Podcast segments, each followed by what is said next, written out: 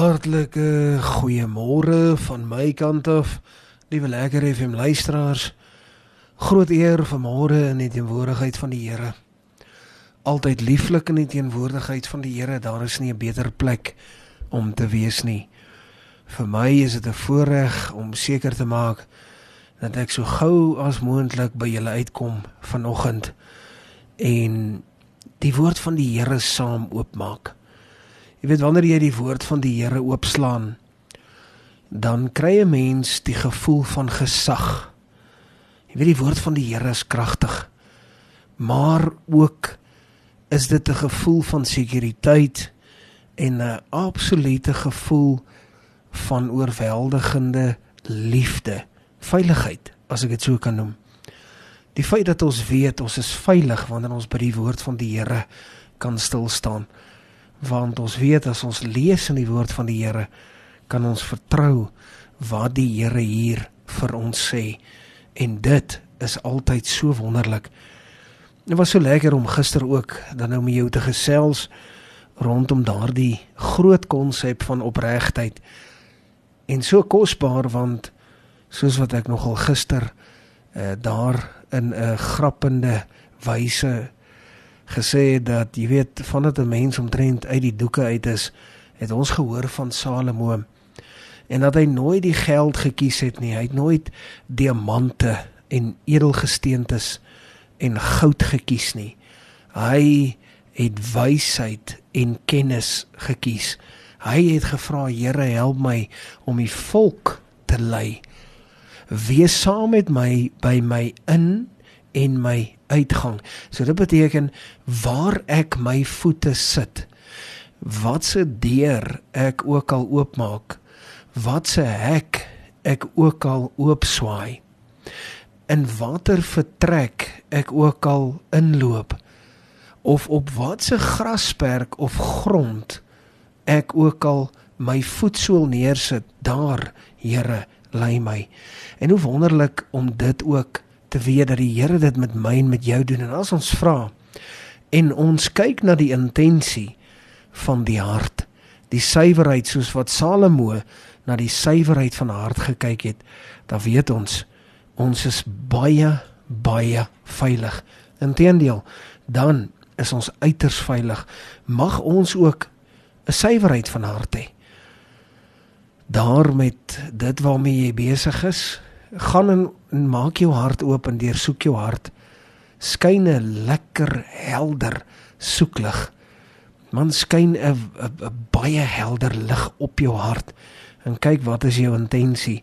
En as jy agterkom dat jou intensie nie heeltemal suiwer is nie, moenie jouself verskrik nie. En moet jouself nie pynig nie. Maak net 'n verstelling. Maak dit reg. Kyk, dit wat ons verkeerd doen, kan ons mos regmaak.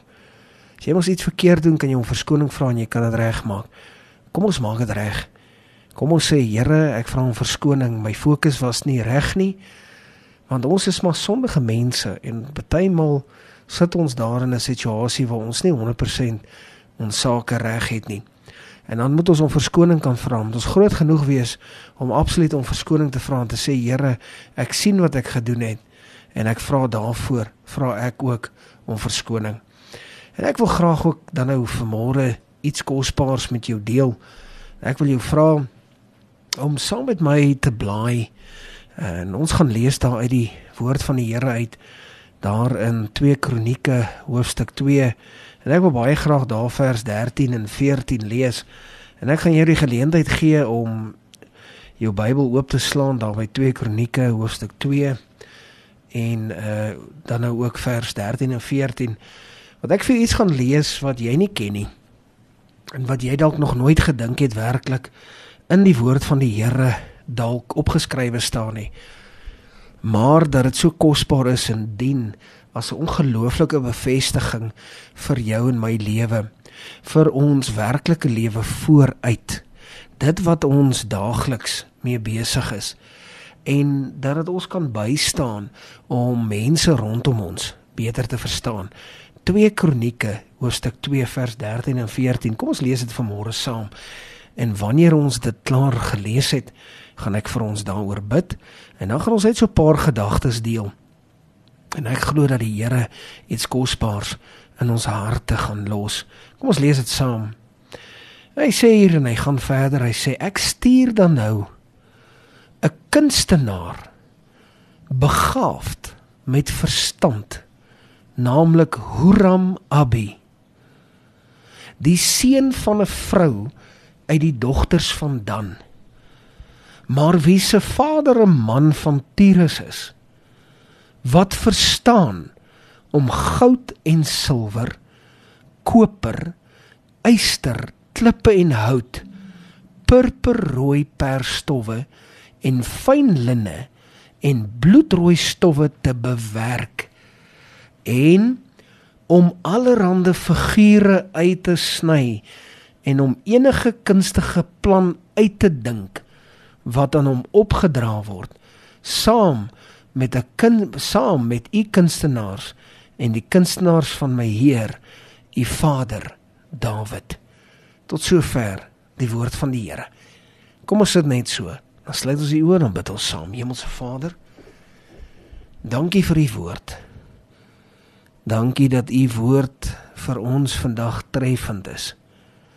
En dat u woord ons kom inspireer en verander en motiveer en van plan verander en dat u woord ons teregwys en dat ons besef miskien dalk hoe ons van tevore gedink het nie 100% reg was nie maar dat ons deur die Heilige Gees gelei word om reg te dink en daarvoor wil ek u eer en wil ek u dank in Jesus naam amen en amen.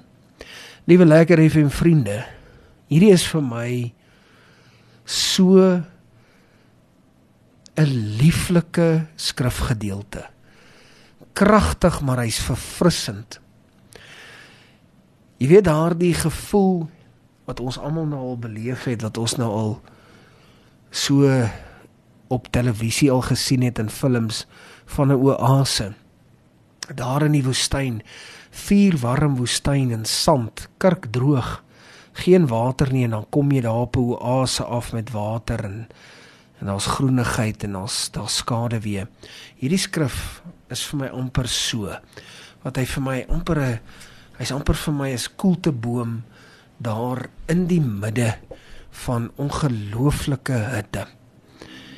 Ek wil graag vir jou 'n stelling maak vandag en ek wil sê moet nooit in jou lewe smaak verwar met wat die Here met wie kan doen nie.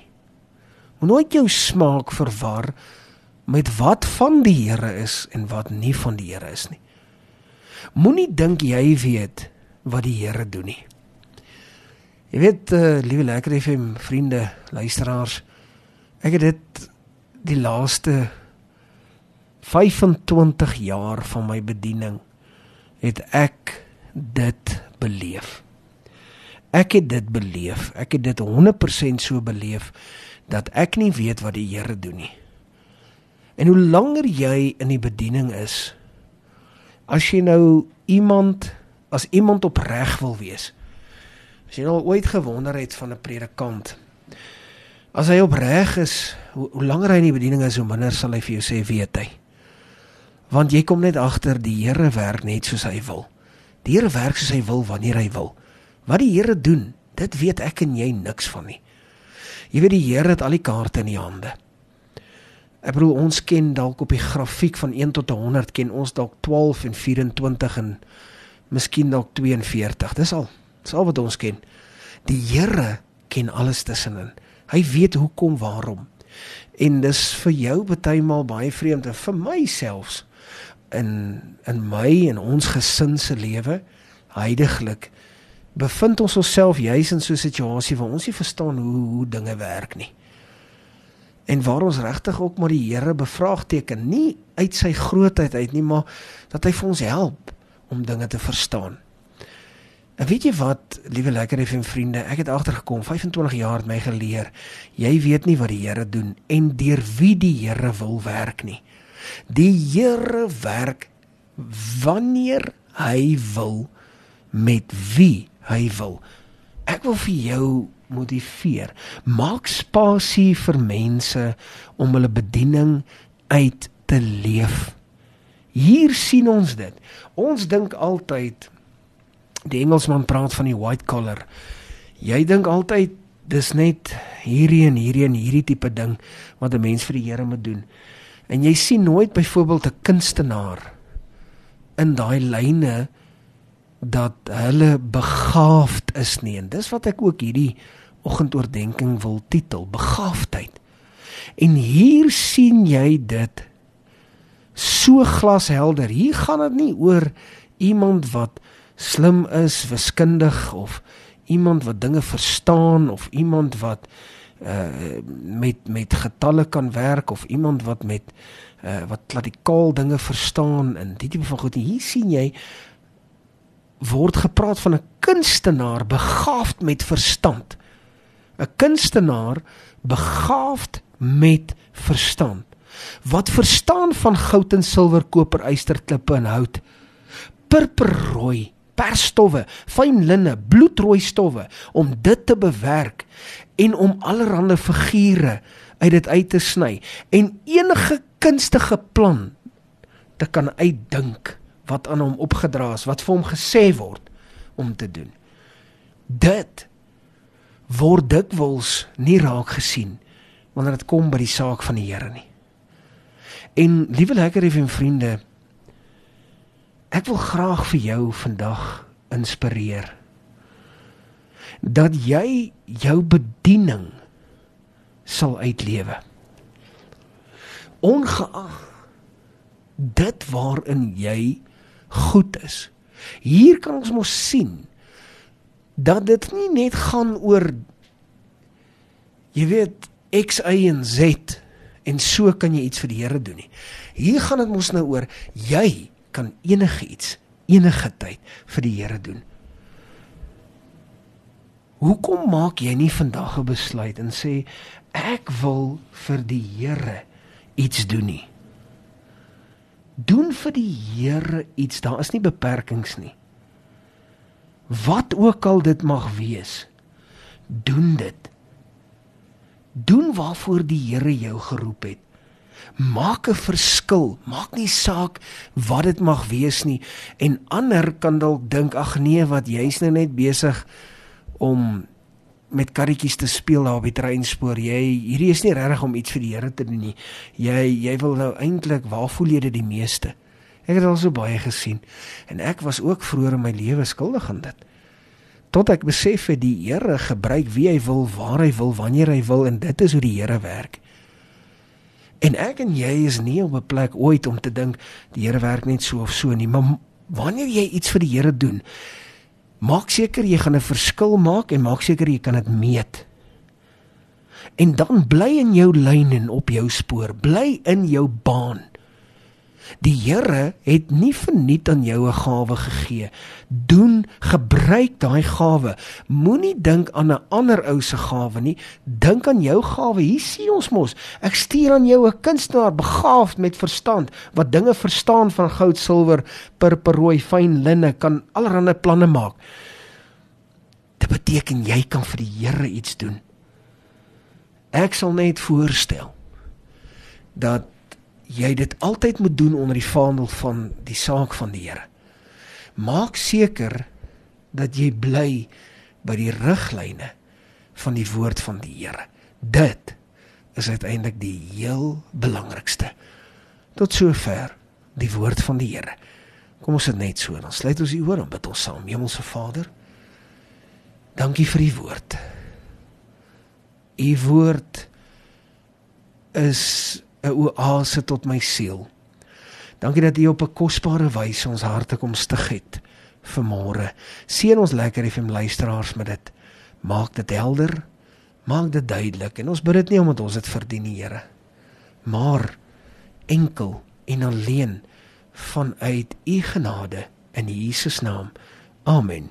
En amen.